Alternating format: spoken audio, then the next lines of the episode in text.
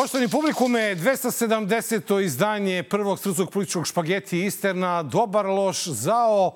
Pozdravljaju vas Marko Kis Vidojković i Nenad Brka Kulačin i spremni orni za još jedno a, poprilično zanimljivo i intenzivno iživljavanje nad situacijom političkom u Srbiji, a ko zna možda malo i šire. Amare. Išao, moram da te ispravim. Znaš šta, komplikovano je za, bilo za kiš šminku, pa sam odradio jedan običan Erik Melvin A, pa dobro, meni si drag kao kis, pa te ja zato tako zovem. Hvala ti, evo ti kis. E. Ako sme da primetim, imam i novu, vrati režija, to imam da, novu, da, ima novu pantera, frizuru. Pantera frizuru, tako da moj, uh, uh, kako se to kaže, rebranding polako, ali sigurno ide u skladu sa ovim severnjačkim zemljama gde lutam od jedne do druge, trenutno sam na Islandu. A pošto je rebranding nešto što je e, prisutno u srpskom društvu, vidimo to kroz e, Parizer koji se više ne zove Parizer, nego predsednikov Parizer ili Vučićev Parizer ili Vučićev šampon ili Vučićev, aj sad da ne kažem šta mi pade na pamet, Pa, neći, neći, Nenade, baš me zanima. Ne, ne, pa to ne znam, ne, ne, to neće da, da a, rebrenduje i da reklamira iz prostog razloga što mu se ne uklapa u ovu e, pronatalitetnu politiku, razumeš? Tako da, a šta jedeš ti sada? Pa štetu? Jedem ovaj kre, kremasti namaz od čokolade. Jedem... A što, a što, a što to jedeš kad to prvo nije na sniženju? To neće ovde da bude nikad na sniženju. Mi imamo sniženju džemove samo. Jedeš to i praviš nam zazubice i ja sad treba da radim i da najavim prilog koji se desio u Briselu gde su razgovarali o budućnosti Kosova i gde su uspeli... Ne, u stvari nisu uspeli ništa. Imali smo razgovore i mislim da su oni neuspešno završeni u smislu pronalaženja jasnog puta ka normalizaciji odnosa. Svi mi imamo svoje predloge, Albanci svoje, mi svoje. Na kraju mi smo kao Srbija prihvatili kompromisni predlog Evropske unije. Kurti nije želeo da ga prihvati i sastanak je okončan. Jasno je da Kurti prosto izbegava da formira zajednicu srpskih opština. To je suština svega. Dakle, Srbija ne beži od svojih obaveza, ali smo rekli kakav, ne samo mi, već Evropska unija rekla kakav je hodogram i kako stvari moraju da se odvijaju i takav njihov predlog mi smo uprkos tome što nije ni malo lak za nas prihvatili, Kurti je odbio i tako je završeno sve. Ja ne mogu da prihvatim da uh, zajednica opština i kreiranje te uh, zajednice da bude preduslov za izvršenje našeg sporazuma. Jer to, je, to ide nasuprot ovom sporazumu. Ne može da se pregovara o uh, uh, nacrt statuta uh, asocijacije ako se najpre ne dogovaramo o uh, sekvencijalnom putokazu. Ostavka je moralni čin. Izvinite. To je поединачни, индивидуални, морални чин. Не можеш ти да натераш некога на оставку. А сте рекли да нема легитимитет? Тој е, тоа е а, Вие сте рекли да нема легитимитет. Тој е диктаторски менталитет да натерате некога на оставку. А чекайте, на Косово тоа не е могуче. Косово е демократска држава. У Србији можда, не знам. Posle veoma dugog sastanka, premijer Kurti nije bio spreman da učini korak napred i da započne kredibilan proces osnivanja zajednice srpskih opština. Umesto toga je insistirao na de facto priznavanju kao prvom koraku. Strane su krenule sa suprotnih pozicija. Premijer Kurti je želeo da se prvo bavimo političkim aspektima normalizacije odnosa, a Srbija je želela početak formiranja zajednice srpskih opština pre ispunjavanja svojih obaveza. Zato smo predložili jedini mogući kompromis, da se ta dva procesa odvijaju paralelno. Takođe, moram da vam kažem da nije bilo nikakvog napretka na deeskalaciji tenzija na severu Kosova. Evo, ja da nisam pojao oko šećera, vrate, ja bih zaspao na ovom prilogu. Ovaj, brate, dva i po minuta, ne znam kad, kad smo imali duži prilog oko nečega a, gde je sve jasno. Dakle, a, Vučić je prihvatio kompromisno rešenje. Inače ga nikad ne bi prihvatio zato što zna da ovaj, Kurti neće da prihvati. To je, to je makar jasno. A, u tom smislu Vučić se uhvatio u određenu mrežu, jer mi smo svi zapamtili, on je prihvatio da istovremeno krenu a, stvaranje zajednice srpskih opština i de facto priznanje Kosova. S druga, Kosova i Srbije, mislim. A, ono što je s druge strane zanimljivo, a, imamo Kurtija koji je formalno u pravu, ali je faktički mentol de facto je, Kurti je de facto mentol. Zato što on, on jeste, znači gledano iz ugla nekog ko je premijer Kosova i Kosovo ima ustav i on kaže, dakle, ako hoćete zajednicu srpskih opština, opština to treba da ide po ustavu. Ali Kurti mora da zna, mislim ja evo pomažem njemu kao premijeru naše juže pokrajine koja je daleko demokratskija od uh, Matice, pa čisto da bude i malo mudriji, dakle, kada te ne priznaje pola država u jedinim nacijama i kada te ne priznaje pet država Evropske unije, dakle, i kad imaš agresivnog suseda kakav je Srbija, onda, brate, kažeš da, u redu, uh, radit ćemo paralelno, isto kao Vučić, kada imaš agresivnog uh, Putina i kad imaš agresivnog, ne znam, ovaj, agresivni zapad, ti onda lepo kažeš, uh, važi, može, evo, de facto mi priznajemo da je Kosovo nezavisno. Kurti je ispao glup po mom mišljenju, zato što ako Kosovari hoće da idu igde napred, oni moraju da pokažu makar malo spremnosti na kompromis. Neverovatno je da Aleksandar Vučić pokazuje spremnost na kompromis, mada ja ne znam šta ti misliš, Nenad, ali ja mislim da je to lažna spremnost za kompromis. On nikada ne bi smeo da kaže ovo što je rekao, da je, e, da je, da je ovaj, Kurti u drugačijem fazonu. Pa da, Vučić je e, primenio Tuđmanov recept za e, međunarodne pregovore. Tuđman je tako prihvatao sve što mu međunarodna zajednica ponudi, jer je znao da Slobodan, ja što me nerviraš sa tom tim kremom, brate, daj barem bi ga pokaže da vidim kakav je lep. Ne smem, brate, zato što će se provaliti da nisam u Islandu nego u Finskoj. E, brate moj, kako bi ja nešto slatko, ja na dijeti, pa ne idem. Ni slatko. Jao, izvini, evo neću više, neću više. Sad samo, e, samo, samo dizel pijem. Šalim samo se, samo neću udri. Više, izvini, izvini. Udri. Nisam znači, stvarno, stvarno sam zaboravio. Tu, Tuđman je tako radio. Tuđman je prihvatao, a Milošević je odbijao. I na kraju da. je Milošević nadrljao. Ali ja se plašim da ovde Kurti neće da nadrlja. I plašim neće. se da ovde e, međunarodna zajednica bi morala sada, primenjujući tu svoju neku praksu, da malo pritisne E, premijera naše južne pokrajine, da to malo ovaj, se upegla i dotera. Suština je, e, zašto je ovaj prilog dugačak? Dugačak je zato što smo hteli da pustimo sva tri ova, učesnika ovog dijaloga, odnosno trijaloga, kako bismo rekli. A uh, ono što je meni zanimljivo mnogo što je Kurti veoma kratak čas demokratije održao Vučiću i rekao je ne može to tako kod nas kao kod tebe. Znači ne mogu ja da nateram e, gradonačelnike da oni podnesu ostavke jer oni su kako tako izabrani. Bili neki izbori, glasalo nekoliko desetina ljudi i oni su izabrani. Šta da rade ljudi sad? Ali e, Vučić će pokazati Kurtiju da e, to njega se ne dotiče i on ako želi da E, raspiše vanredne parlamentarne izbore zajedno sa vanrednim vanredne lokalne sa vanrednim parlamentarnim i vanrednim beogradskim izborima, on će pokazati Kurtiju kako je lako naterati e, ove predsjednike opština da podnesu ostavku, odnosno da im pomogne da se primeni taj lični čin, jer ostavka je stvarno bi trebalo da bude lični čin, izuzev u Srbiji gde taj lični čin podrazumeva naređenje od e, znamo koga.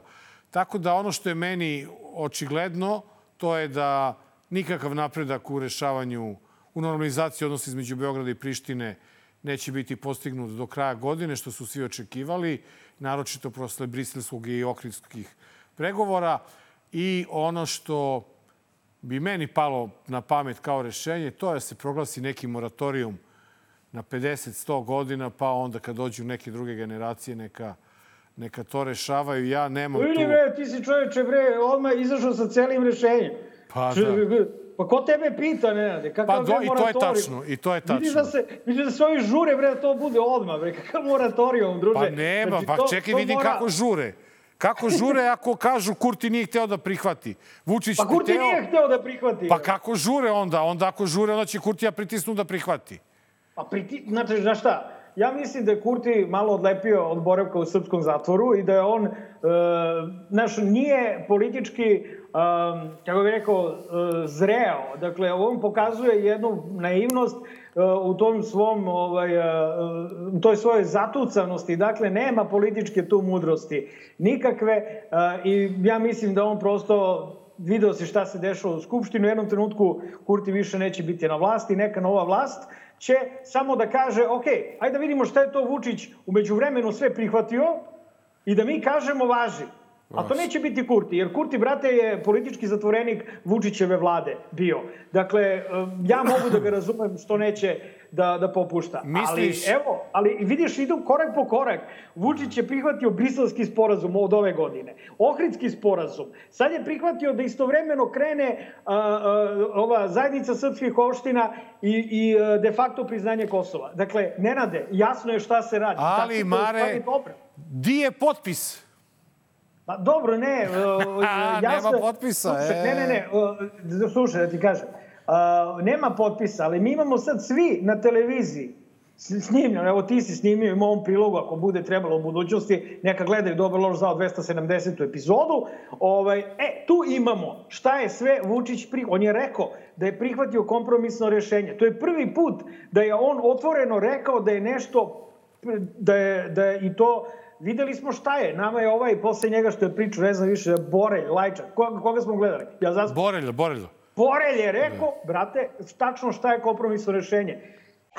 Zajednicu srpskih opština, izvinjavam se, mnogo bitniji deo je da, da je on prihvatio de facto priznanje Kosova. Prema tome, kad Kurti zglajzne kod mesec dva, u roku od mesec dva će da bude ok, Vučić je prihvatio sve, ajde sada, ovaj, hoćete vi kosovci da budete sad malo mudri od Kurti, oni kažu hoćemo, jer nećete da vam uvodimo vize ni vama ni Srbiji, oni kažu nećemo, a pristajem. E onda šta će da bude, da će Vučić da kaže puj pike ne važi, nisam ja to rekao, a kad je, znaš, to možemo prođe u Srbiji, da možemo prođe kod ovih sa zapada, ne znam. Da, da, i onda će, onda će Trump da pobedi u Americi na izborima u novembru i onda kada... Tako je, onda je mrmot kada stavio, krene, mrmot je stavio brate. čokoladu ovu teglu. Pa i, ja eto, mislim da nam ni trst neće biti tako daleko kako bude krenulo. Ali nešto mnogo zanimljivije od eh, ovog debakla u Briselu je bila situacija gdje su pogledima mogli da se sretnu eh, američki ambasador i e, srpski šef BIE. Elem, srpski šef BIE se nalazi pod sankcijama Sjedih američkih država. O njima je mnogo puta govorio i Christopher Hill, ambasador Amerike u Srbiji, a onda su se sreli e, u Pranjanima, tako, Mare, na obeležavanju e, Halijarda. Halijarda, da. I ono što je zanimljivije od svega toga, to je da je predsednik naš imao komentar na tu situaciju, a u raspravi ćemo videti koliko je ta, taj, a, taj njegov argument i ta njegova konstatacija koliko ima veze sa istinom. Vulin verovatno ne bi bio na čelu BIA da nisu zapretili da ne sme da bude na čelu BIA. Da, da li je tačno ono što uh, jedna opozicijna novina ovih dana navodi iz svojih, kako kažu, uh, pouzdanih izvora uh, da će Aleksandar Vulin biti smenjen? Pa kao što neće biti postavljen. Produžili su mu život. Možda sam i planirao da ga smenjujem, a sad ne mogu da ga smenim. Pošto su A to umesto njega saznali, Marko verovatno. Đurić kažu, da. Marko Đurić ubio. Da. Au. Nisam o tome nikada ni razmišljao. Ajde, ljudi, Marko Đurić mi na pamet nikad nije pao za bio. U životu svom nisam razmišljao o Marku Đuriću za bio. Ali šta ćete, to, to je... Eto, Vulina. Produžiše mu mandat. Da, stvarno je zaista čudno. Pre neki dan se gospodin Vulin pojavio na prijemu... Uh, Dobio ambasadora, poziv i da. pojavio se. Zvali ga i pojavio se. Šta da radite? Dobio poziv i pojavio se. Gde on to gleda sad u stranu? Mora da Vulin stajao tamo iza, čučao, šta li je radio, ovaj, šenio. A, ok, ja bih zamolio, dragi kolege, iz danasa, iz drugih medija, da iskulirate malo kada dobijete dojavu da će Vulin biti smenjen. Više nekoliko puta se desilo da ste objavljivali, dakle, da Vulin samo što nije smenjen, iz dobro obaveštenog izvora ste čuli, I onda, e, kad se svi napalimo, jel, onda ovaj izađe i, brate, kaže, ne, ne, možda sam i mislio da ga smenim, ali neću da ga smenim, produžili su mu život. S jedne strane nije loše, jer on je omamljen mirisom sirka i paštete koju je pojeftinjavao u hit šitu. Ovaj, prosto priznao pred svima nama ko je zadužen za a, a, ovaj, postavljanje i smenjivanje šefa BIA. Što znači šta? Znači zapravo da i kad Vulin bude smenjen ili kad bude dao ostavku, meni se čini da je to Jel tako, Vuline? Slušaš nas? Mislim, potvrdi. E, ali Trepi. nema više onih muva njegovih u studiju, Mare.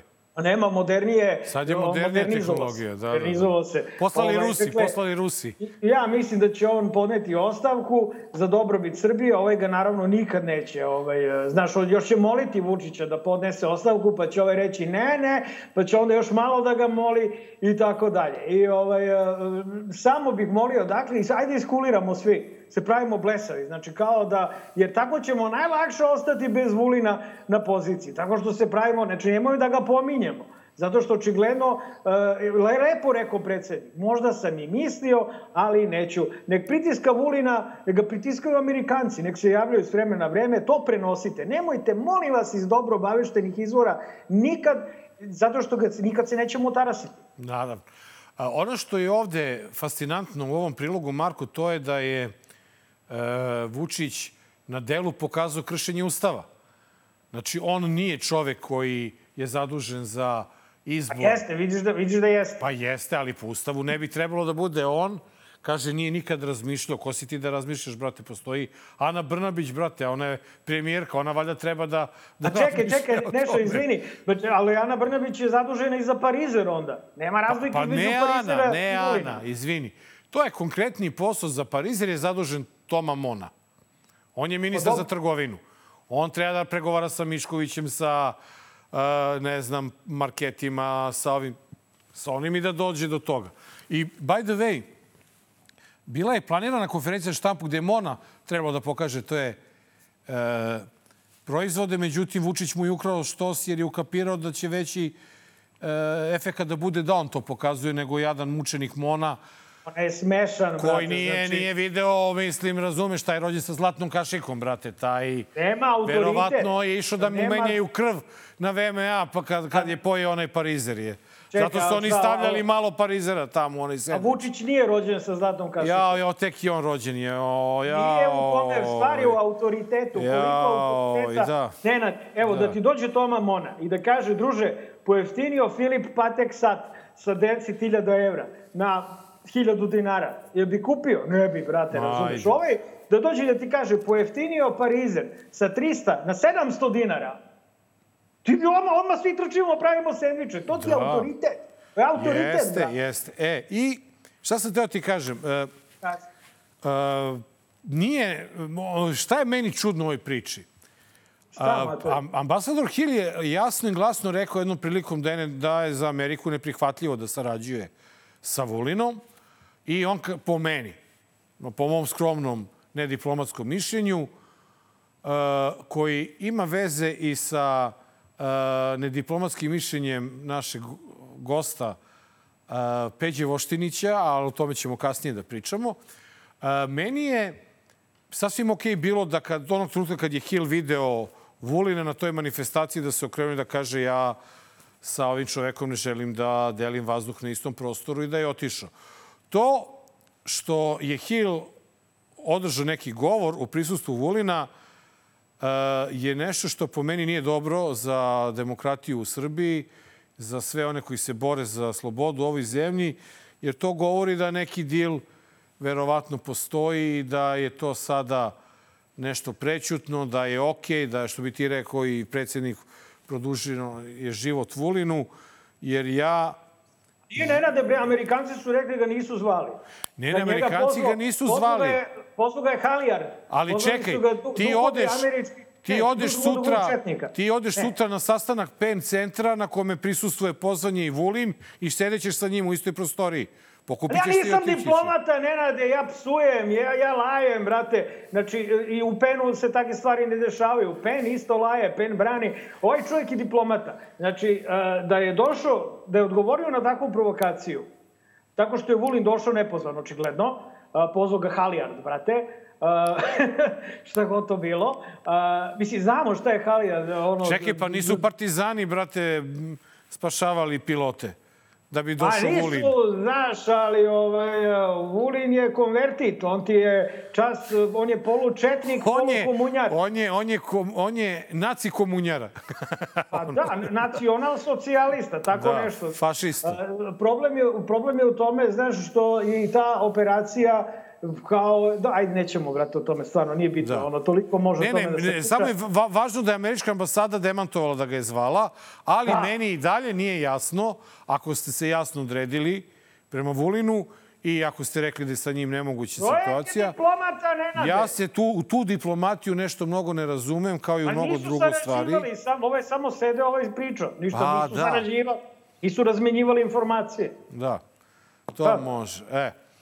A, pa, desilo, se, desilo se to što se desilo a, sa našim drugarom, gostom, prijateljem a, Peđom Voštinićem u Kraljevu, to smo pričali u prošloj emisiji. A, a onda se desio i protest a, u Kraljevu. E, neke delove tog protesta, nažalost, niste imali prilike da vidite. Pa evo, ovaj, evo DLZ e, će e, ovoga puta emitovati neke od osnovnih poruka koje su se čule na tom protestu u Kraljevu, koji je bio protest podrške Peđi Voštiniću. Svi oni kojima se ugrožavaju uništavaju ljudska prava svakoga dana će krenuti tog jednog dana za Beograd i tada ćemo pobediti. Kraj! Znam da vam je teško, znam da se plašite, ali koji jebe više, ajmo bre! Lokalni front! Front! Front! Svi lokalni frontovi u narodni front! U narodni front protiv nepomenika i njegove bande bestidnika! Ja vam obećavam da će taj lokalni front biti front. Sigurno će biti front. Mi ćemo ga povesti ili ćemo ga napraviti i poneti. Doći ćemo gore, desit će se to. Verujte mi. predivne slike iz Kraljeva. A, Nenade, izuzetno mi je drago. Svi, cela Srbija je došla u Kraljevo u subotu da podrži Peđu Voštinića. Svi su bili tu, cela opozicija. I Đilas, i Vuk Jeremić, i ovaj Aleksić, i, i Lutovac, i Ćuta, i Tuta, i Zeleninović, i svi su došli, podržali Voštinića ovi su, go... i ti si Nenade govorio i rekao, ljudi, nećemo se razilaziti odavde dok Vučić ne podnese ostavku i on je podneo ostavku i sve se super završilo. Sam dobro to skontao. Otprilike, jesi. A, Šta je bilo? Nenade, ajde, ti si skroman, nisi stavio sebe ovaj, u ovaj snimak i mislim da bi u stvari kroz, eh, tako što ćeš nam reći šta si ti na tom mestu govorio, uh, ujedno reći šta misliš u trenutnoj situaciji u zemlji. A, pa, znaš šta, ja, ja, ja sam malo parafrazirao reči našeg gosta iz prošle epizode, Dinka Grukonjića, koji je rekao da, da moramo da uzvratimo, da moramo da, da se branimo. E, Ja sam to proširio tako što sam rekao, a nekad i preventivno da napadnemo, e, zato što mislim kada te neko provocira i kada, e, ne znam, e, kada se nađeš u situaciji da ti neko opsuje na ulici ili pljune u tvom pravcu ili tako dalje, da mu treba jasno staviti do znanja da nikad to više ne uradi. A da sam, da sam donekle u pravu e, govori to što je Peđa Voštinić imao hrabrosti da kaže utisku nedelje jako, jako važnu stvar.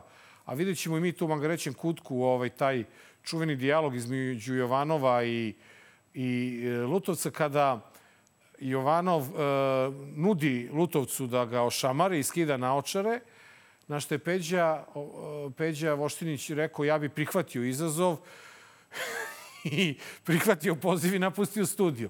Jednostavno mislim da smo mi mnogo nasilja trpeli od njih i da oni jednostavno vide da to prolazi, da je to normalno i da ono što se Peđi Voštiniću desilo, naročito ono posle obaranja na, na putu kada su mu prišli ti momci i poručili to što su mu poručili, um, mene to nekako ono, što bi rekao Velja Ilić, nagna da, da razmišljamo o tobe da moramo da se suprotstavimo i da moramo da se branimo. Naravno i da se odbranimo. To je jako teško, Mare, malo nas je, ali kao što rekoh uh, u danasu, uh, malo, malo nas je, ali nismo slabi uh, što je bolje nego da nas je mnogo, a da smo slabi.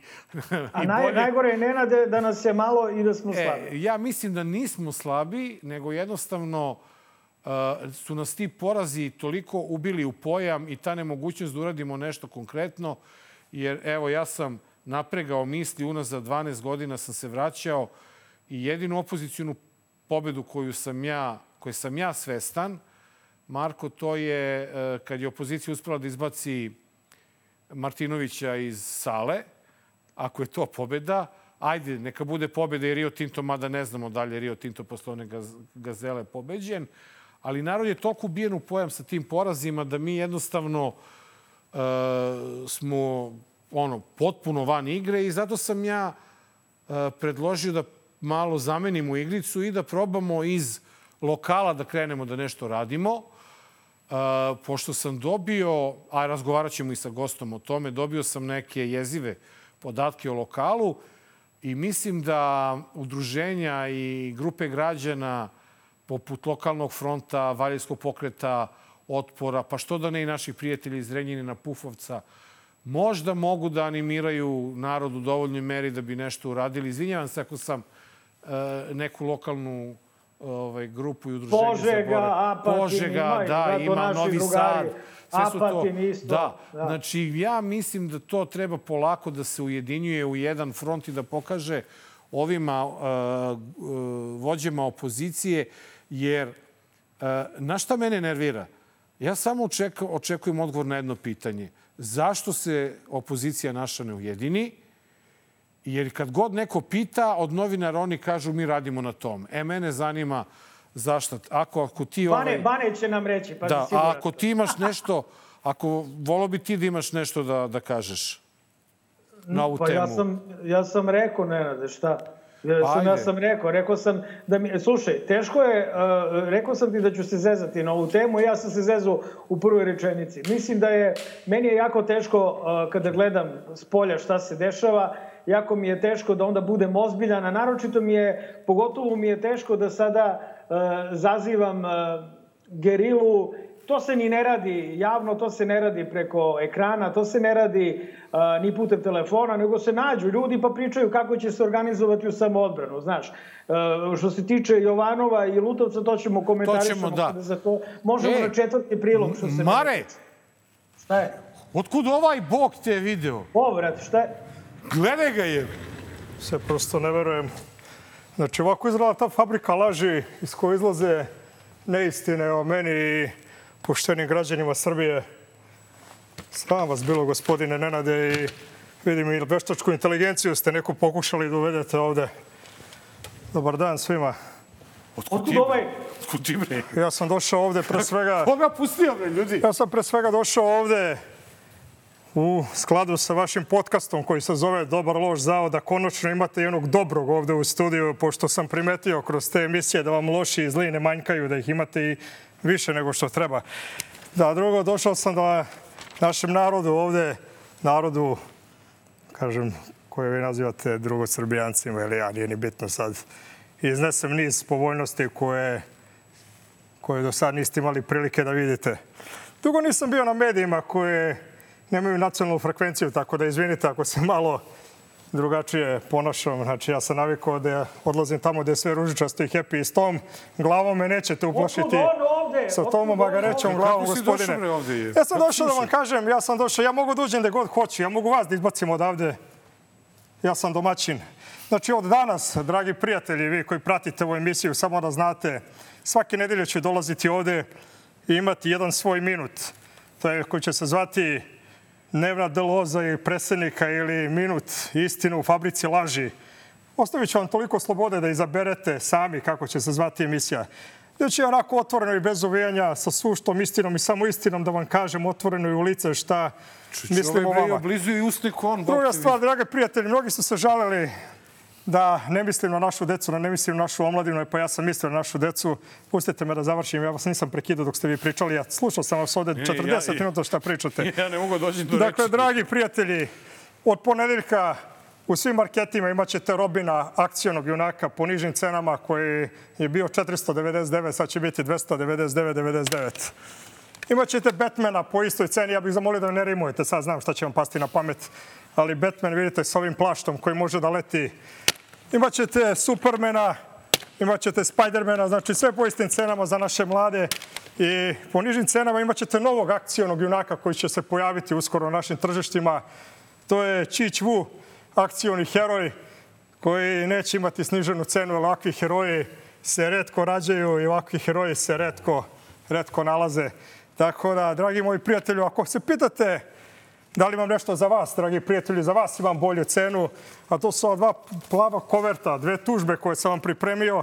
I ako se pitate zbog čega je to bolja cena za vas, e pa, dragi prijatelju, bolja cena za vas je iz tog razloga što ćete moći van sudski da se dogovorimo da platite troškove svega Otkud zašto vas ja, studiju? zašto vas ja tužim. Ovo je za Marka. Ako ne, pa i za, i za Marka i za vas. Tako da, gospodine, ja ću vam te koverte ostaviti jer će vam trebati. Razmislite o mojoj boljoj ceni, a ovo ću poneti da podelim našoj deci i našim prijateljima. Dakle, dragi prijatelji, od sledeće nedelje imat ćete novi segment u ovoj emisiji.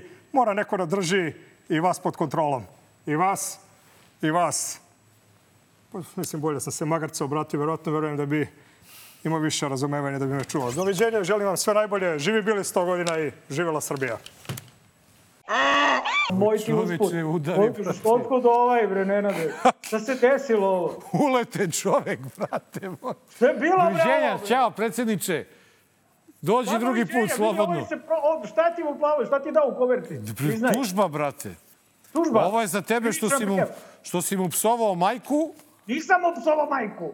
Pa, pa kažem ti, Njega sam psovao. a, a ovo je za mene za nešto.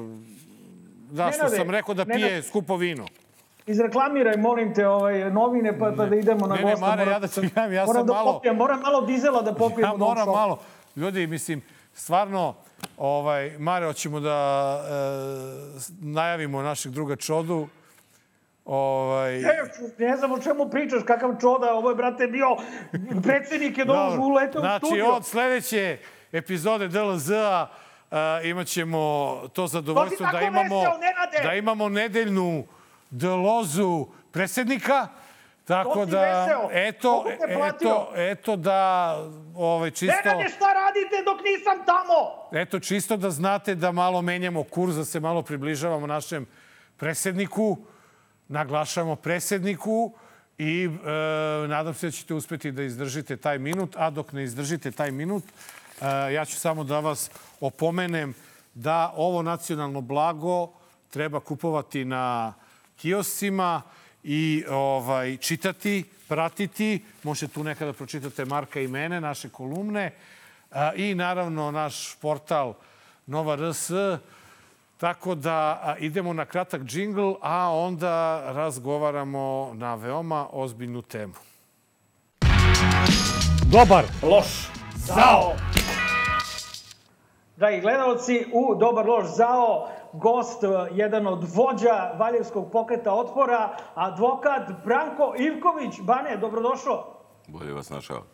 Dakle, Bane je bio sa mnom na protestima na pravnom fakultetu, išao čovjek svaki dan, 96. 97. tri meseca, ja sam svedok, vukao zastavu pravnog fakulteta od početka do kraja, znači jedan fanatik, jedan manijak i to vidimo i po tome kako su išli i ko je sve govorio na protestima u Valjevu. Bane, protesti u Valjevu su završeni, zašto? Pa završeni su, imajući u vidu da mi smo želeli da budemo iskreni prema sebi i prema građanima, a i negde kroz razgovor i to je neki opšti utisak e, iz drugih gradova, realno prilično su obesmišljeni. E, I koncepcijski i suštinski. Moramo da budemo iskreni. E, mi smo pokušali sve što je do nas. Protest je u većini gradova u Srbiji preživeo leto, ono čega smo se svi plašili da se neće desiti. Međutim, imajući u vidu poslednja dešavanja s početka septembra meseca, jasno je bilo da više ovakav vid protesta, naravno protest kao bunt, ostaje samo u nekim drugim vidovima. A ovakav, ovakva koncepcija očigledno više, više nije ni dala rezultate one koje smo očekivali. A šta se to desilo, brate moj, u, u septembru? A, mislim, vi ste mimo opozicije vodili proteste u Valjevu, tako da niste od njih zavisili, a čini mi se sve kao da hoćeš da kažeš da je ponašanje opozicije a, zaslužno za, ono, za, za to što je protest u Kraljevu, eto, u Valjevu prestao. Pa, uh, u Valjevu da. Uh, organizator je bio Valjevski pokret otpora nisu učestvovali u samoj organizaciji, ali su aktivno učestvovali i članovi i simpatizeri opozicionih stranaka na trgu, znači to tu nikakvog, nikakvog deljenja između nas nije bilo, kao i svi građani. Imali smo svoju koncepciju koja je odudarala generalno od većine protesta širom Srbije. Znate, gosti su bili onako naravno, ne po volji vlasti, to se podrazumeva, ali prilično ne po volji opozicije. Između ostalog i vas dvojica ste bili gosti. A, a, ono što je bitno, a, mi moramo da budemo iskreni u tom delu. A, svaki pojedinačno grad u Srbiji nema tu snagu da iznese onu glavnu vatru. Naša uloga je bila u celoj ovoj priči da držimo tu vatru A naravno, centralni protest u Beogradu je taj koji je trebao da da, daje uh, taj odlučni impuls celo ovoj priči. Uh, videli smo šta se dešavalo uh, negde u maju, junu mesecu.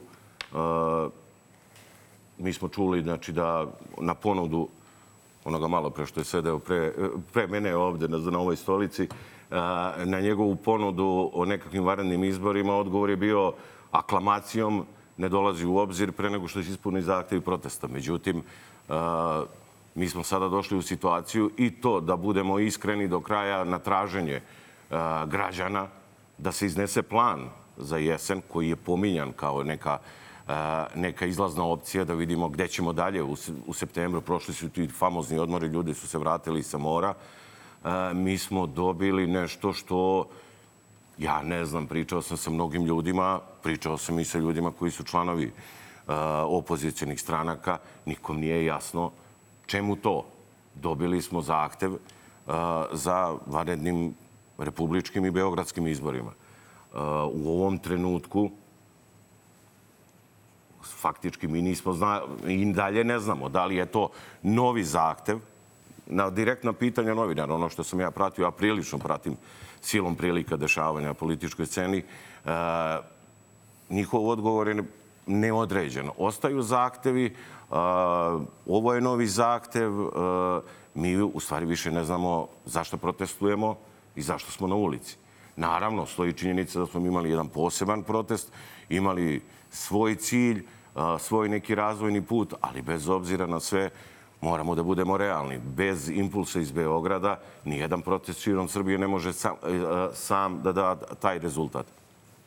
Ono Naravno, što se čekam. meni čini je, e, izvini Nešo, Okej, ovaj, okej. ono što se meni čini to je, e, ne bi rekao da su svi, e, jedna ekipa pominjala izbore već jedno izvesno vreme. Bojim se da, na primjer, Ćuta. Ćuta je prvi izašao sa pričom ovaj, o beogradskim izborima, dok je Lutovac istovremeno rekao da to ne dolazi u obzir dok se ne ispune svi zahtevi protesta.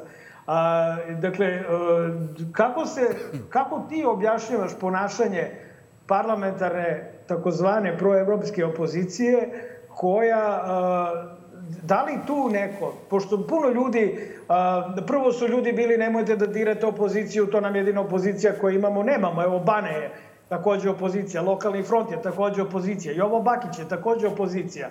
Dakle, prvo je bilo nemo dirate opoziciju.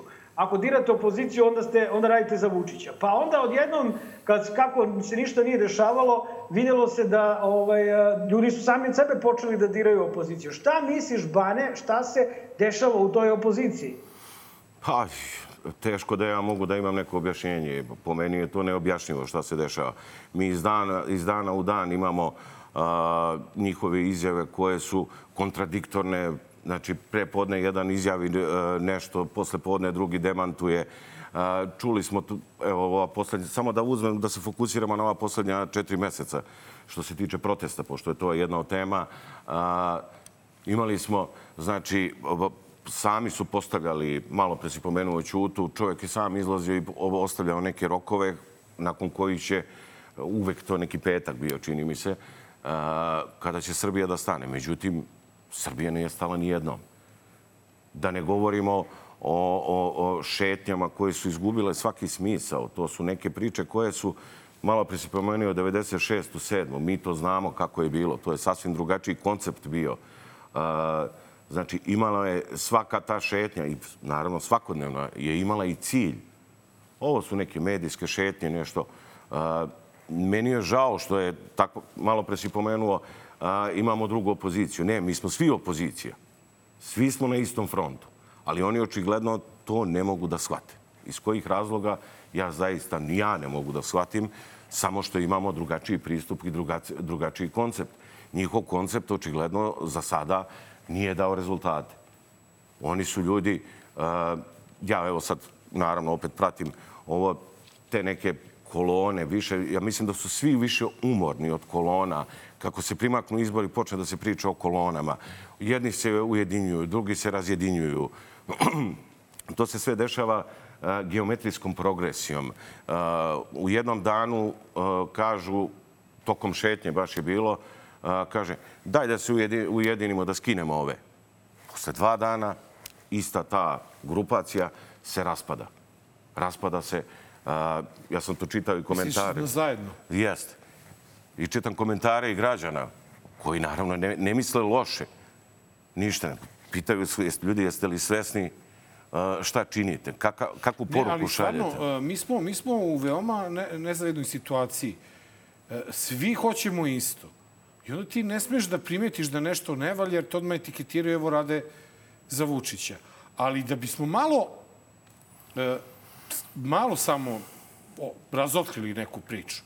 Evo, na primjer, meni nikad nije bilo jasno zašto u Beogradu za sve vreme ovih protesta nikada niko iz ribnikara, od roditelja, se nije obratio okupljenim građanima. Ako tebe je bila naša gošća Aleksandra Bulatović, čije dete išlo u sedmi razred u ribnikaru u osnovnoj školi. I šta je ona to toliko tragično rekla ili što to nekom u Beogradu nije moglo da se svidi? Mene to zanima. Govor je bio sasvim normalan, običajan, bez Da. izazivanja ikakvih nesuglasica među vama. Naravno. Naravno, evo ja ću otvo- otvoreno reći onog momenta kada smo čuli, pomenuo si Aleksandru, da njoj nije, nisu dali da govori. Mi smo onda rekli govorit će u Valjevu. Mi smo i naš trg na- nazvali Agora, simbolično. To je trg u staroj Grčkoj, gde svaki se- grad, slobodni građanin imao pravo da izađe i da govori. E, upravo to. Znači, i Aleksandra je došla i ono što je rekla, zaista je pogodila suštinu. Niti je bilo kome šta zamerala od Da, tih da, pa ljudi to ti kažem, znači, čega se plašiš? Ja, ja, za mene je to neshvatljivo. Bilo kome, bilo kome zabraniti da nešto kaže javno. Ima pravo, mi ne moramo da se složimo. Apsolutno. I ne znam čega se više ljudi plaše. A, mislim na ovaj deo da kažem, opozicije, koji su organizatori ovog centralnog. Ja uvek naglašavam reč centralnog pro protesta. Mi iz u Valjevu nismo imali nikakve konekcije, nešto, niti smo, ovaj, ne zato što loše mislimo nešto o, o, o svemu tome i o njima. Uh, mi smo na istom zadatku, samo to oni treba da shvate. Oni treba da shvate. I da vas prihvate da postojite ne... kao politički subjekat na lokalu. Apsolutno. Mi uh, nismo ušli ovde da gledamo lajvove, I ovaj narod nema više vremena da gleda live-ove, selfije. Um, naprimjer, meni je to, ja sam to čak i komentarisao javno i to mi je zamereno. Meni nikad nije bilo jasno protest. To su nasmejani oni, neki potpisi, motivacijani govori o nekim hrabrim ljudima. Ne, mi nismo hrabri ljudi. Ovo, je, ovo nije nacija više hrabrih ljudi. Ovo je nacija očajnih ljudi očaj koji polako prelazi u jedan nekontrolisani bes koji mi moramo da kanališemo u nekom civilizovanom smeru. Mi više ne možemo da trpimo. Ni, evo, ja dolazim sa lokala. Uh, zna se, princip je isti. Evo, sad, sad smo bili u, u subotu u Kraljevu, isto. Ja sam razgovarao sa Kraljevčanima. Oni imaju taj princip vladanja, to je tipičan, tipičan mafijaški kartel. Sistem vladanja, gde odaberu grupicu ljudi, izvuku, dovuku se neke margine i onda im daju neku vlast. Imaju nekoga kapoa koji ih, evo kod nas, u Valjevu, gradonačelnika, to nikakva tajna, nije povremeno dobije po neku ćušku za vrtanje ušiju od kapoa. Misliš u fizičkom smislu? U fizičkom smislu. O, međutim, oni vremenom a, se osile ti lokalne, te lokalne pa kabadake. Pa moraju oni nekom da zavrću. Pa onda oni zavrću uši i onda dolazimo u situaciju da a, se dešava sve ovo, da mi gledamo, da se bavimo, evo, i ova emisija, mi se bavimo opozicijom. Zašto bi se mi bavili opozicijom? Mi treba da se bavimo ovim zlom i da gledamo kako da ga skinemo. Ali Dobro, evo, pazi, izvini, e, samo, samo se... Ajde, vaš, da ne zaboravim nešto, samo. Reći ću nešto što ni Nenad ne zna.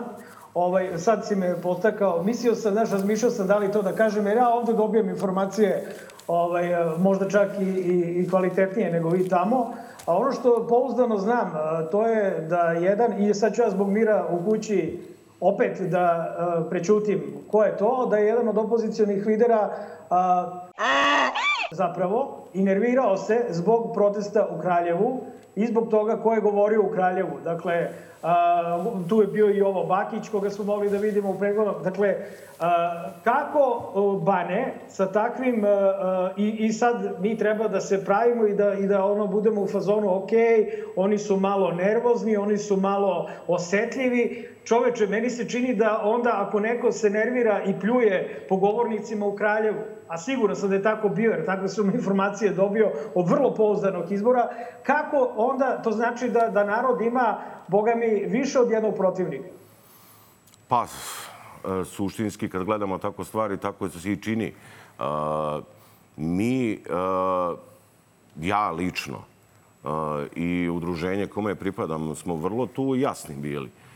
Evo ja ću navesti jedan primer kako to funkcioniše imali smo jedan razgovor, to je bilo negde pa otprilike kad su počeli protesti e, na početku samih protesta sa lokalnim odborima stranaka. E, mi smo seli s njima i rekli našu koncepciju rada, izneli naš predlog čak i za lokalne izbore. Međutim, to realno u tom trenutku, ne znam kako je sada, kakav je sada stav, nije naišlo na neko odobravanje. Mi moramo da budemo iskreni. Ja, evo, i sada ću biti iskren. Mene je mnogo ljudi zvalo uh, i u subotu su mi to rekli, u Kraljevo i ovo. Idi, reci istinu, da što više ljudi čuje. Znači, ja to radim.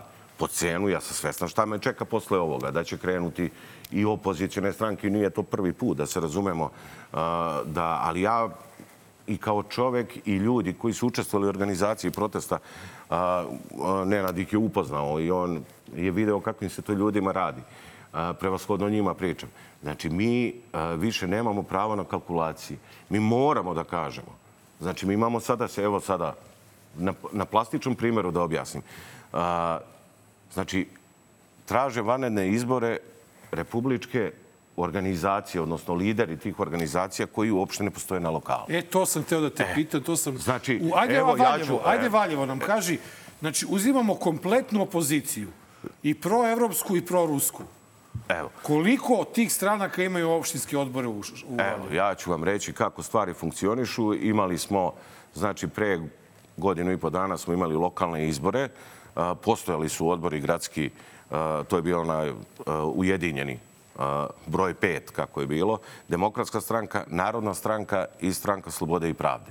U ovom trenutku sve, sva tri odbora su u VD stanju, imaju poverenike. Nemaju odbor, znači. Nemaju gradski odbor. Imaju poverenike. Jeste. I imamo trenutno u osnivanju o, ovaj pokret e, Mike Aleksića. To je onaj ocepljeni deo. A, I sada kad pogledate A to... čekaj, ovi desničari? Uh, teška priča. Teška priča, dobro. Teška priča. Jel imaju a- odbor? A, oni imaju neke odbore. Evo, reći ću vam, na primjer, kako to funkcioniše i to. A, prvi, a, kad je zakazan protest, neki famozni POKS, kome je inače u Valjevu poverenik za POKS i on vedri oblači, on govori i u ime tih ljudi, što je meni ne, potpuno neshvatljivo, to da oni dopuštaju, govori jedan Mirko Jović. Da, to je onaj Mirko Onaj. Jović, Onaj. Srpska narodna obrana i ti ga se sećaš ovaj, s početka 90. Čovek koji ima veze sa Valjevom, koliko ja imam, na primjer, sa, evo, Kraljevom. Bili smo u Kraljevu, čak i više, verovatno, ljudi Možda znam više imaš veze sa Islandom. I je sutra ja treba da sednem i ljudi oko mene, pa i ostale organizacije da sede i da pričaju sa Mirkom Jovićem nešto o Valjevu. Kada je zakazan prvi protest, izdali su saopštenje, ajde parafrazirat ću da, da ono, ali koja je otprilike suština, novinari su me zvali i moram priznati iskreno, tako je bilo, zgražavali su se. Gde je jedna rečenica glasila, Čemu mi, čemu, mi, smo, mi smo protiv protesta organizovana u Valjevu, jer to se desilo, naravno, misleći na Ribnik, to se desilo, desilo u Beogradu, tamo Beograd neka rešava. Šta vi da kažete na to? Šta vi da kažete? Dobro, Branko, ali kako ćemo mi onda da idemo na te parlamentarne izbore kada opozicija nema opštinske odbore u Srbiji? Šta možemo da uradimo na tim parlamentarnim Pa izborima? vidite, o, to bi trebala opozicija da da odgovor. A ti ili izlaziš na lokalne izbore, koji bi redovno trebalo da budu Apsolutno. na Naš, naš cilj od početka, vidim da sada i malo pre si ti pomenuo, uh, uporno ponavljamo kao papagaji. Uporno ponavljamo po- kao papagaji da je osnov svega uh, lokal. Mi moramo da počnemo da radimo od, od, od temelja da gradimo to. Marko je pomenuo 96. i 7. godinu. A, nije Milošević pao 5. oktobra. To je bio samo eto, proglašenje da je pao. Milošević je pao 96. i 7. Njegov pad je počeo kada su pali svi veliki gradovi u Srbiji. Mi sada imamo šansu da na lokalnim izborima da se razumemo, ne, ja ne govorim o nekim istraživanjima opozicionih stranaka koja, su, koja se svode na pumpanje mišića. Ovo je činjenica malo pre što sam rekao. Ja govorim o istraživanjima do kojih mi dođu informacije, njihovi ti insajderi, špijuni, a, gde je, na primjer, eto u Valjevu, matematički ta, moram da izgovorim ime, Srpska napredna stranka je matematički izgubila vlast. Čak i zajedno sa socijalistima. Ona nema. Znači, ništa nije do njih. Sve je do nas. Sve je do nas. Naš fokus je zaista lokalni izbori. Okej, kao građanin Republike Srbije, naravno, ja ne mogu da ignorišem činjenicu a, da postoji republički izbori.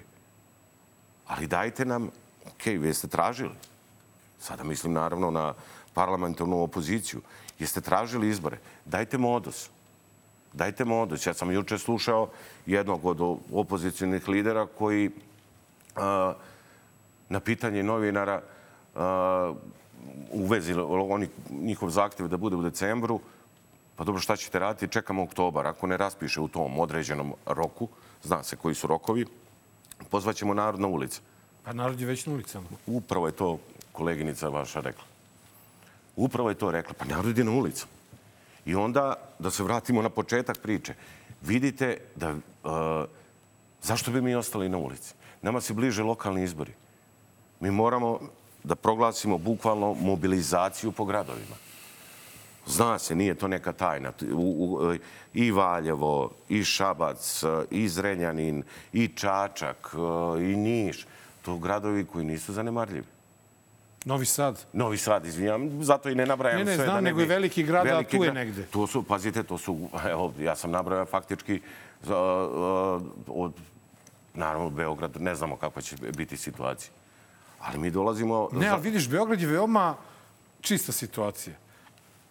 Sva istraživanja do kojih smo mi došli, novinari, govore o tome da jedna lista pobeđuje u Beogradu bez ikakvog pardona. I ti opet ne ideš na jednu listu. A to ti, a vidi, u Beogradu nema, kao i u Valjevu, ne bi trebalo da bude velikih tema. Kosovo, Rusija, ajde, gej parada možda, ajde. Ali fiskalna politika, BDP, Parizer i tako dalje. Ne. Beograd su infrastruktura, komunalije, da, po, kultura, umetnost, malo sport i to je to. I ti ne možeš u tu jednu kolonu.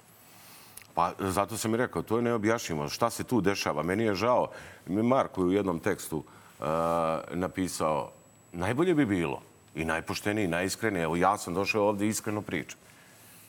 Iskreno pričam kakva je situacija. Isto ovo će vam reći u, u da ne kažem baš svim, ali u ogromnoj većini gradova u Srbiji. Da a, stranke opozicione, reći ćemo te proevropske, a, realno nemaju kapacitet bez podrške građana da iznesu bilo kakve izbore. Izbore na mesnoj zajednici. Ja sam učestvovao aktivno u prošle, na prošlim republičkim izborima. Ove stranke, vidite sad ono, to je strašno. Te stranke koje sam nabrajao, Narodna, Demokratska i SSP, 2022.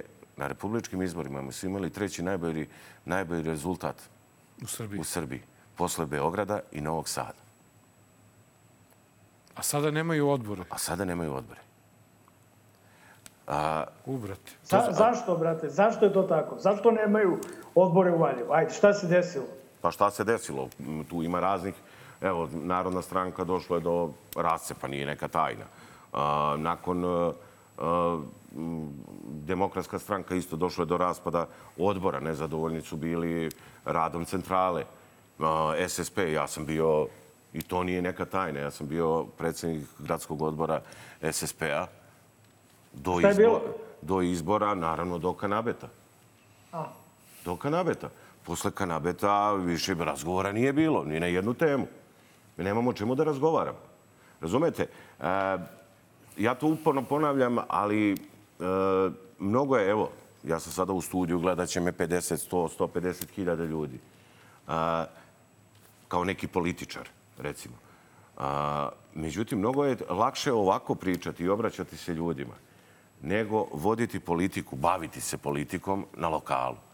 Gde vi bukvalno a, od kad ustanete dok ne zaspite, a to se dešava i često kasno noću zbog silnih obaveza, a, nailazite na ljude ne samo one koje misle isto kao mi, nego očečete se bukvalno i u ljude koje morate i da pomenete imenom i prezimenom. I tu sakrivanja nema.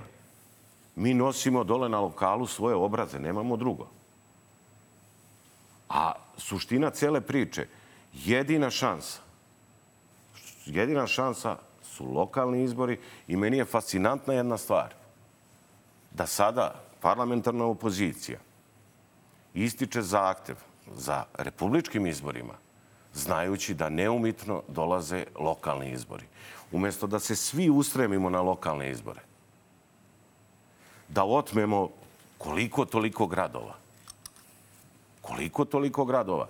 A, mi se bavimo ovim. Naravno, onda dolazimo na teren malo pre koji si pomenuo. Pazite, republički izbori nose velike teme. Da. Velike teme, gde realno oni do sada nisu nikakvu koheziju pokazali. Svako svoju politiku vodi. Evo sad imate tu jednu, ako je to kolona, ili već ne znam nija kako je to osmišljeno. Znači imamo demokratsku stranku, imamo uh, zajedno i imamo ponoša. S druge strane moguće je da će biti Miki Aleksić, SSP i, i Grbović i ostali. I sad prosječan građanin, ajde mi pratimo politiku, ali prosječan građanin koji nije upućen, šta će njega da opredeli da glasa je za jednu ili drugu kolonu? A ne zaboravimo da izgleda, bar, bar se tako pominje, dizanje cenzusa na 5 i 7%. Ne, rekao je, rekao je Vučević da neće na... E. Srpska napredna stranka je rekla da neće tražiti Eto, to povećanje. je, to ne To znam. je I to, njegov- ako im je da, verovati. Čak mislim da je ima negdje u danas. Ali ono što je suština, znači mi moramo, jedino šta imamo, jedini naš argument su ljudi, mi nemamo ništa drugo. Kod njih je i novac, oni imaju stranočku vojsku, imaju sve ostale. Sve ostalo. Mi jedino možemo da izađemo sa ljudima časnim, poštenim na lokalu i da krenemo odatle da gradimo. Što se tiče republičkih izbora, još ne znamo. Još ne znamo. Evo, sada ko je malo češće na društvenim mrežama, vi vidite a, stranke koje su izašle imaju, u nekoj su vrsti kampanje. To je kampanja koja se odnosi na republičke izbore. Da, to A je koji nisu ni pitanje, raspisani. Da, to je sve pitanje i... I ono, I ono što znamo, Bane, to je da u, na tim republičkim izborima a, za opoziciju neće imati ko da broji glasove u Valjevu. Jel? Pa, a, pazite, a, ako centrale stranaka se dozovu pameti i a, apsolutno, ja ni jednog momenta, to su sve ljudi koji su časni i pošteni na lokalu i u tim strankama. Ali oni trpe posledice trpe posledice nekih poteza koji su potpuno ili nepromišljeni, ja neću da ulazim, ne mogu da ulazim u teorije zavere, svesni, nesvesni, od strane centrale stranaka, gafovi. Mi zaboravljamo jednu stvar i tu moramo da budemo iskreni. Kao što gledamo gafove ove druge strane, mi vrlo često gledamo gafove i sa ove Naravno. opozicione strane. I, a oni snose, oni snose Ali mi posledice. te gafove... Da li mi grešimo što se ne bavimo ti sa tim gafovima? Vremenom... Evo, na primjer, evo, evo, evo, da li je za tebe ovo gaf? Opozicija je rekla, kada su imali taj sastanak, kad je došao taj famozni septembar, da tražimo izbore do kraja godine. Vanredne parlamentarne i vanredne beogradske i to je ok, u decembru imaš izbore, imaš vremena da se spremiš za nastupajuće e, lokalne i pokrinjske izbore u martu, aprilu sledeće godine. I onda se uputi zvaničan predlog predsjedniku Srbije gde piše tražimo raspisivanje izbora do kraja godine. Ne održavanje, nego raspisivanje. I onda predsjednik izađe na Pink i kaže, evo, tražili su raspisivanje do kraja godine, ja ću da raspišem izbore 31. decembra. A, Pa pazite, to, ako pričamo o ozbiljnoj politici, to jasno je da ne sme da se dešava. To nisu gafovi. To, ja se nadam da tu nema nikakve namere. Ograđujem se u tom delu, ali to je vrlo neozbiljno. Kao što je, na primjer, bilo neozbiljno pre možda jedno dve, tri nedelje, a, kad su izašli sa tim predlogom, koji smo mi tražili, dajte predlog za jesen.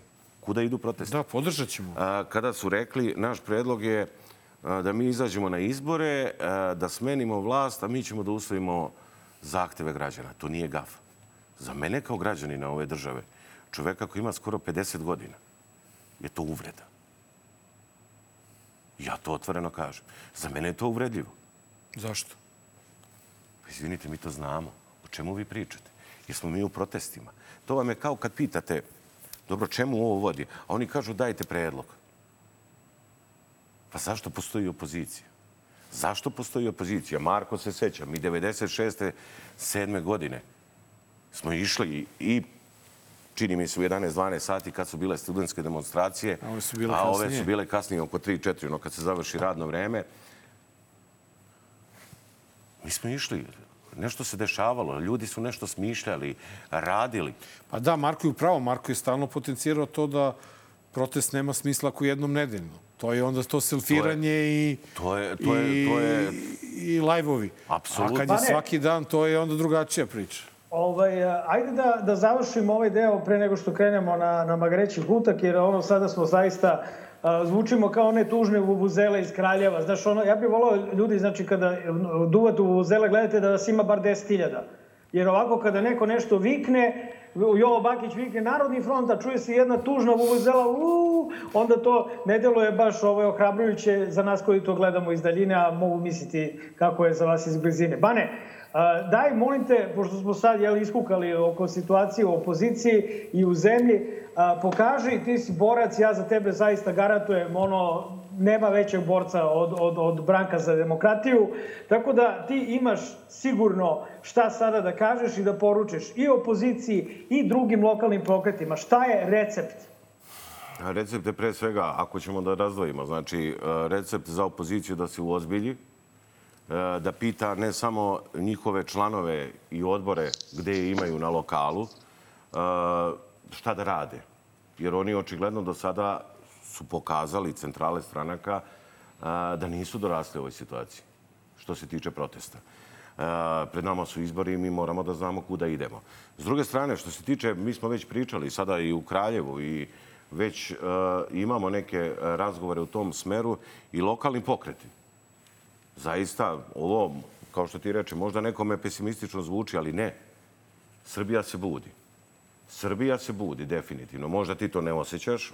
Ja prosto i poslom, a i ovim svojim angažmanom dosta putujem. Srbija se bude i ljudi postaju svesni gde je ključ problema i pokušat ćemo, znači, i lokalne organizacije da se umreže, ne da bi otimali, ne da bi otimali bilo kome neko biračko telo, konkretno opoziciji, nego da budemo, da budemo zajedno jači da budemo jači zajedno, znači mogu, građani naravno imaju pravo da li će da glasa, neko prosto ne želi da glasa više za stranke.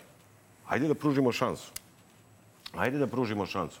Idu izbori jedni, drugi, treći, više i ne znamo šta će se dešavati, ali mi prosto uh, odmah, ne znam kakav je Nenadovi, on, bili smo sad u Kraljevu utisak, ali uh, generalno ljudi se bude uh, i, i, i ide to u dobrom smeru. Ide u dobrom smeru, ovi protesti, da se razumemo, sa svim svojim manama, su doprineli da se ponovo posle dugo vremena vidimo i na tim trgovima i na ulicama. Doprineli su još jednu stvar, da ima mogućnost neko da dođe kao što sam ja i nadam se da će se to nastaviti, da ljudi iz drugih pokreta širom Srbije dolaze. Jer mi nismo neki ljudi koji nemaju pojma šta rade, niti imaju cilj. Mi odlično znamo šta radimo ne ja, ne govorim sad u svoje ime, nego na ceo taj korpus ljudi. I ljudi se, mi smo u neprekidnoj komunikaciji, a kažem, vidjet ćemo, nadam se, nadam se da će ovo vrlo brzo se stanje malo unormaliti i u opoziciji, ali realno ipak koliko god, koliko god oni mana imaju, mi trenutno nemamo drugu opoziciju. Jasno. A, kaži mi samo e, na kraju prvo ovog dela emisije, Ti si advokat i Katarine Petrović, to je major policije yes. koja je e, sada u postupku zbog toga što je dokazala Srbiji da je Vučićev kum bio pijan i pod dejstvom narkotika kada je izazvao udes na Dedinju. Dok li si stiglo sa tim e, predmetom? Pa, trenutna situacija, taj predmet, krivični deo, krivični deo, predmet je uh, sada trenutno u ovom uh, višem sudu u Valjevu. Nije još nikakvo suđenje niti bilo šta zakazano. zakazano da. Nije, a sada uh, pred nama ono što će izgleda pre biti, to je disciplinski postupak pred Policijom. policijskom upravom.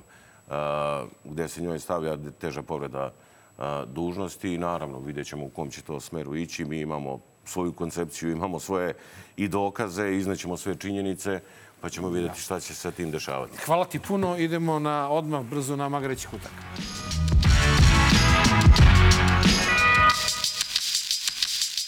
Magareći kutak, 270. izdanje Dobar loš zao. S nama u studiju je advokat i jedan od vođa Valjevskog pokreta otpora, Branko Ivković. Branko, evo, e, zapalo te je to da u e, ovom izdanju Dobar loš zao oslušaš jednu bajku, ali bajka ima happy end, nemoj da se brineš.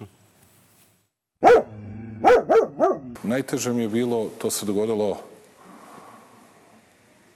posle smrti njegove majke i Miličine majke, Ksenije, vaše koleginice, on je Danilo išao na Kosovo, sam je doneo odluku da ide i sa njim je bilo nekoliko mojih momaka, ali su bili nenaoružani.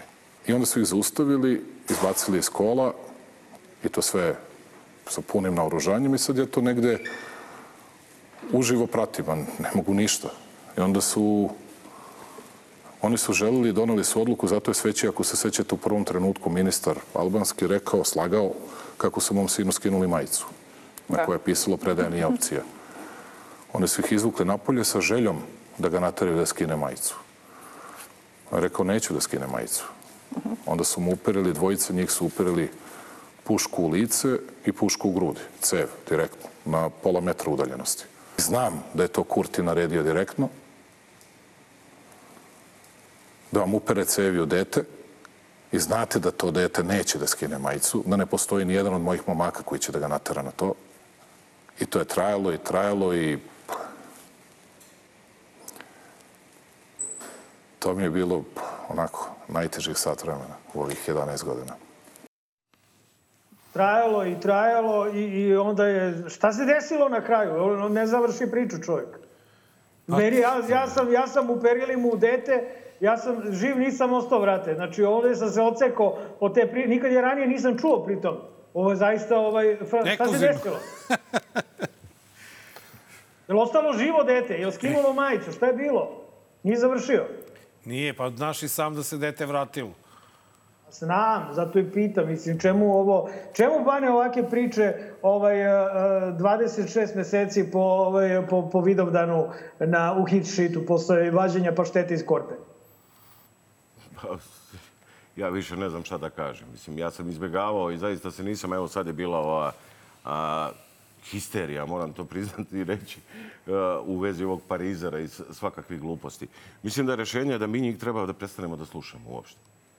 I da, Misliš da ih da, ignorišemo? Da ih ignorišemo, ali apsolutno da ih ignorišemo. Mi oni sve njihove priče znamo na pamet. On kome se više obraća, Boj, meni je žao što ljudi ono više valjda i u nemoći i negde, ne znam, e, nasedaju na to pa se bave ovakvim stvarima. Znači... Šta ćemo Nenad i ja da radimo, evo tako, ako, ako ga ignorišem? Pa, znači ćete se vas dvojice, to je sigurno. Dobro. ima, ima materijala dovoljno i, i bez njega. Ali suština je, zaista, mi gubimo vreme, e, imamo mnogo prosla pred sobom, a posle, kad dođe vreme, O tom potom. O tom potom. Dobro, evo, ajde vreme za red i da čujemo malo i Anu Brnabić odavno nismo.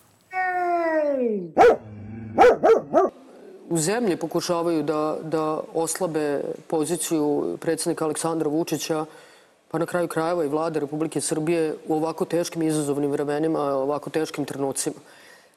Dakle, u trenutku kada predsednik treba da se fokusira samo isključivo na odbranu interesa Republike Srbije, oni pričaju gluposti o Parizeru i da li je jeo ili, ili nije jeo Parizer. Uh, što je zaista besmisleno i pokazuje njihovu neodgovornost. Ali svakako mislim da predsednik ima dovoljno uh, dovoljno i, i, i, i, fokusa i, emotivne stabilnosti da to sve ostavi iza sebe i da, i da danas zaista kao što to uvek radi, e, na najbolji mogući način brani naše interese. Da li je naš predsjednik emotivno stabilan? Ja mislim da on je apsolutno nestabilan na svakom polju. Aha, ne samo emotivno? Pa u svakom, u svakom segmentu. Uh, jeste da je ovo tužna priča zaista ovako i potresna. Ali I ovo? Je, I ovo je tužna priča. Yes. Kod njih su sve tužne priče.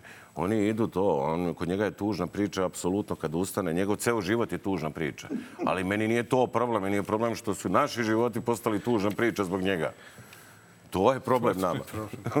Čekaj, Bare, ali je li, je li ovu Čaleta treba da počnemo da ignorišemo? Ona je ipak po, uz njena ustavna ovlašćenja su ogromna u odnosu na a, ovlašćenja Aleksandra Vučića. Znači, kako, ovaj, kako mora da se reaguje ipak na ovo što premijerka lupeta i što baljezga po Parizeru, koja je njena, by the way, ovaj, njene vlade, u, u ingerencijama njene vlade. Pa to je tragedija, evo, ta osoba. Uh, Čale! Čale. Čale. Čale. To je premijer ove države. To je slika i prilika ove vlasti. Bojim se, posle svega ovoga, i naše ogledalo. Mi treba da kad pogledamo u, u, u, u tog premijera, a, da se zapitamo gde smo došli. Ovo u normalnoj državi, ovo je tragikomedija. Ovo je tragikomedija. Ovo ni Monty Python nije mogao da smisli. Šta mi živimo i šta gledamo. Takođe i nju ignorisati. Baviti se sobom. Ono što bi ja rekao nije za emisiju, naravno. Dobro, ali No, ajde, ajde, ajde, Iskreno. Da, ajde da ignorišemo onda i ovo ovde. I ovo što ćemo sad da vidimo. Ajmo i to da, da sve Ajde da ignorišemo. vidimo šta je treće. Ovaj čovek bi terao ljude na goli otok i streljao kada bi imao vlast u ovoj Gospodine. Jovanov, vi Ovaj ste čovek, pogledajte to lice. To je lice onih masovnih ubica, onih komunističkih... Ja vas onih molim, sadističkih- ja vas molim da pričamo upodobite rečnik Pričamo pre ono što podnevu u vi- jutarnjem programu javnog da servisa. Gospodine Jovanov, Koji ima potrebe da zavari šamarčine, koji bi ubijao... Gospodine, Molim vas da drugi Jovanov, put pozovete nekog normalnog u Gospodine. Jovanov, ja vas molim sam. gospodine. Jovanov. Možete da ga Možete, pozovite obezbeđenje ili Jovanov, hitnu pomoć. Pošto da ste prestali da Molim vas, pozovite hitnu pomoć. Nema potrebe hitna pomoć da dolazi. Gospodine Jovanov, vama nije gospodine Jovanov, ja se obraćam vama. Da bežite opet Vi niste svesni, imate trenutno, trenutno imate udar, niste svesni. A vi ćete doživite udar na tim Molim vas izborima. da ovaj... Imate nekog dežurnog lekara. Gospodine. Jovanov, samo... Što je vam treba? Jel vam treba lekar? Opet se oblizujete. gospodine Jovanov, vama se obraćam, molim vas. Pao mi je šešelj. Popite vodu. Pao mi je šešelj. Pao vam je šešelj. I vama je pao šešelj. Jel tako? Dakle. A to je duhovit. Bane, Bane, Bane, evo nađeš se ti u studiju sa Milenkom Jovanovim, jel doći će taj trenutak. I on ovaj, počne ovako se ponaša. Šta ti radiš? Jel ćeš kao lutovac da ga kuliraš? Ili šta radiš, brate? Ja poznavajući te, bojim se da bi ti naseo na ove provokacije. Ne, ovo nisu provokacije. I ne treba ih shvatati kao provokacije. Pošto oni od svega naprave uh, kič i šund. Možda je vreme, pošto Lutovac je reagovao tako kao što je reagovao. I to je mišljenje, ne mogu da kažem, većine civilizovanih ljudi. Ali možda je vreme, ja sam to i davno, i to tu- između ostalog i tu poruku, ono što je Nenad rekao, da treba da počnemo da uzvraćamo. Onog momenta kad ga neko nabode u studiju, možda će se nešto i promeniti. Možda ćemo mi početi drugačije da shvatamo stvari. Dođi vam. Ne, možda, možda ne mora, Dođi. možda ne mora baš da ga Dođi. nabode, možda, možda, ne znam, ga polije vodom, da, ga, da mu Ne. šutne fasciklu ko Ne. Ilić, neki malo, ovaj, ili mi baš misliš da treba ovaj, e, na, na takvu Pa ne, Mare, na ljubazan, agresije? na On- ljubazan ne, poziv oni- treba odgovoriti, bro. On i provocira znajući da Lutovac neće to da uradi. A tebe ne bi smelo. Pa sumnjam da bi meni ovo, da mi bi ponudio obraz. E, I dobro, i svi pričamo o tom famoznom Parizeru i jeli smo ga, jeo ga, možda ga jeo i predsjednik, onaj Toma Mona jadan išao na promenu krvnih zrnaca, Bog te pita šta nam bilo sa ovim malim mučenikom. I došli smo do toga da je na kraju napravljena video igrica.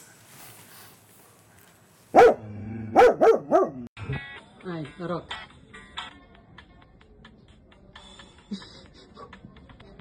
Koja bolest. Parizer. Parizer. Čekaj sad. Parizer. Pola hleba. Parizer. Parizer. Pola hleba. Parizer. Pola hleba. Parizer. Jogurt. Parizer. Sram vas bilo, sram vas bilo kad ješ meso. Hvati meso. Parizer.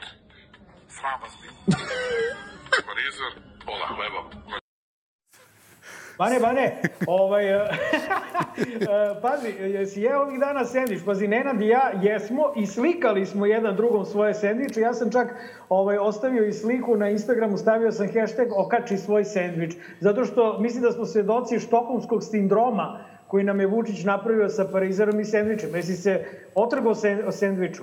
Ne, Priznaj da si jeo sendvič neki sigurno ovih dana. Nisam. Nisi? Nisam. Obećao sam sebi, bar do nove godine, da ga neću ni videti na slici. A upravo si to rekao, stokholmski si- sindrom, pa i ovo je dokaz svega toga. Koliko god se mi sprdali, mi u stvari nasjedamo na igru. I to je suština. Mislimo da smo iznad situacije, a u stvari upali smo ponovo u mašinu. Dobro, evo kao što vidiš, mi smo napravili mali napredak u ovoj emisiji. Mi se danas nismo bavili njegovim famosnim satom. Branko, puno sreće. Hvala ti puno što si Hvala bio puno. u, u emisiji. Želimo ti stvarno uspeh u svemu tome što radiš. E, mislim da bez neke lažne skromnosti možeš da se dičiš sa time da si bio u organizaciji jednog od e, najkvalitetnijih protesta u, u Srbiji i eto, da se nadamo se dobrim vestima iz Valjeva kada budu bili izbori. E, ja ću samo za Ne, ne, ja, ja ne. Ti ćeš da lako si- noćiraš. Ne, ne, ti si menjao laku noć. Ti laku noći, ne A zaboravim ja šta je. sada, da, ja sam izvini, promenili smo, Okej, da. Bane, hvala ti, care. ovaj, nadam se da ćemo se vidjeti i uživo uskoro a, u nekoj varijanti. A, dakle, hvala ti što si bio naš gost. Možeš da se dičiš i time da si bio dobar loš zao, da si upoznao i predsednika. Mi mojišli ste se ovaj, bez... bez Nisam ovaj, morao, ali nema veze. Znam, Da. nismo, nije do nas, nije do nas, ni mi nismo znali da će to da se desi. Dragi gledalci, bilo je ovo 270. izdanje vašeg omiljenog podcasta Dobar loš zao. Vidimo se sledeće srede u 8 uveč istovremeno na Nova RS i na YouTube-u. Jedini po, podcast koji je u ovom delu Evrope koji je pod zaštitom Međunarodnog pen centra. A ono što vas mi želimo za laku noć, pored naše poruke da nikada učutati nećemo, nemojte nikada da pijete kafu bez šoljice. Laku noć.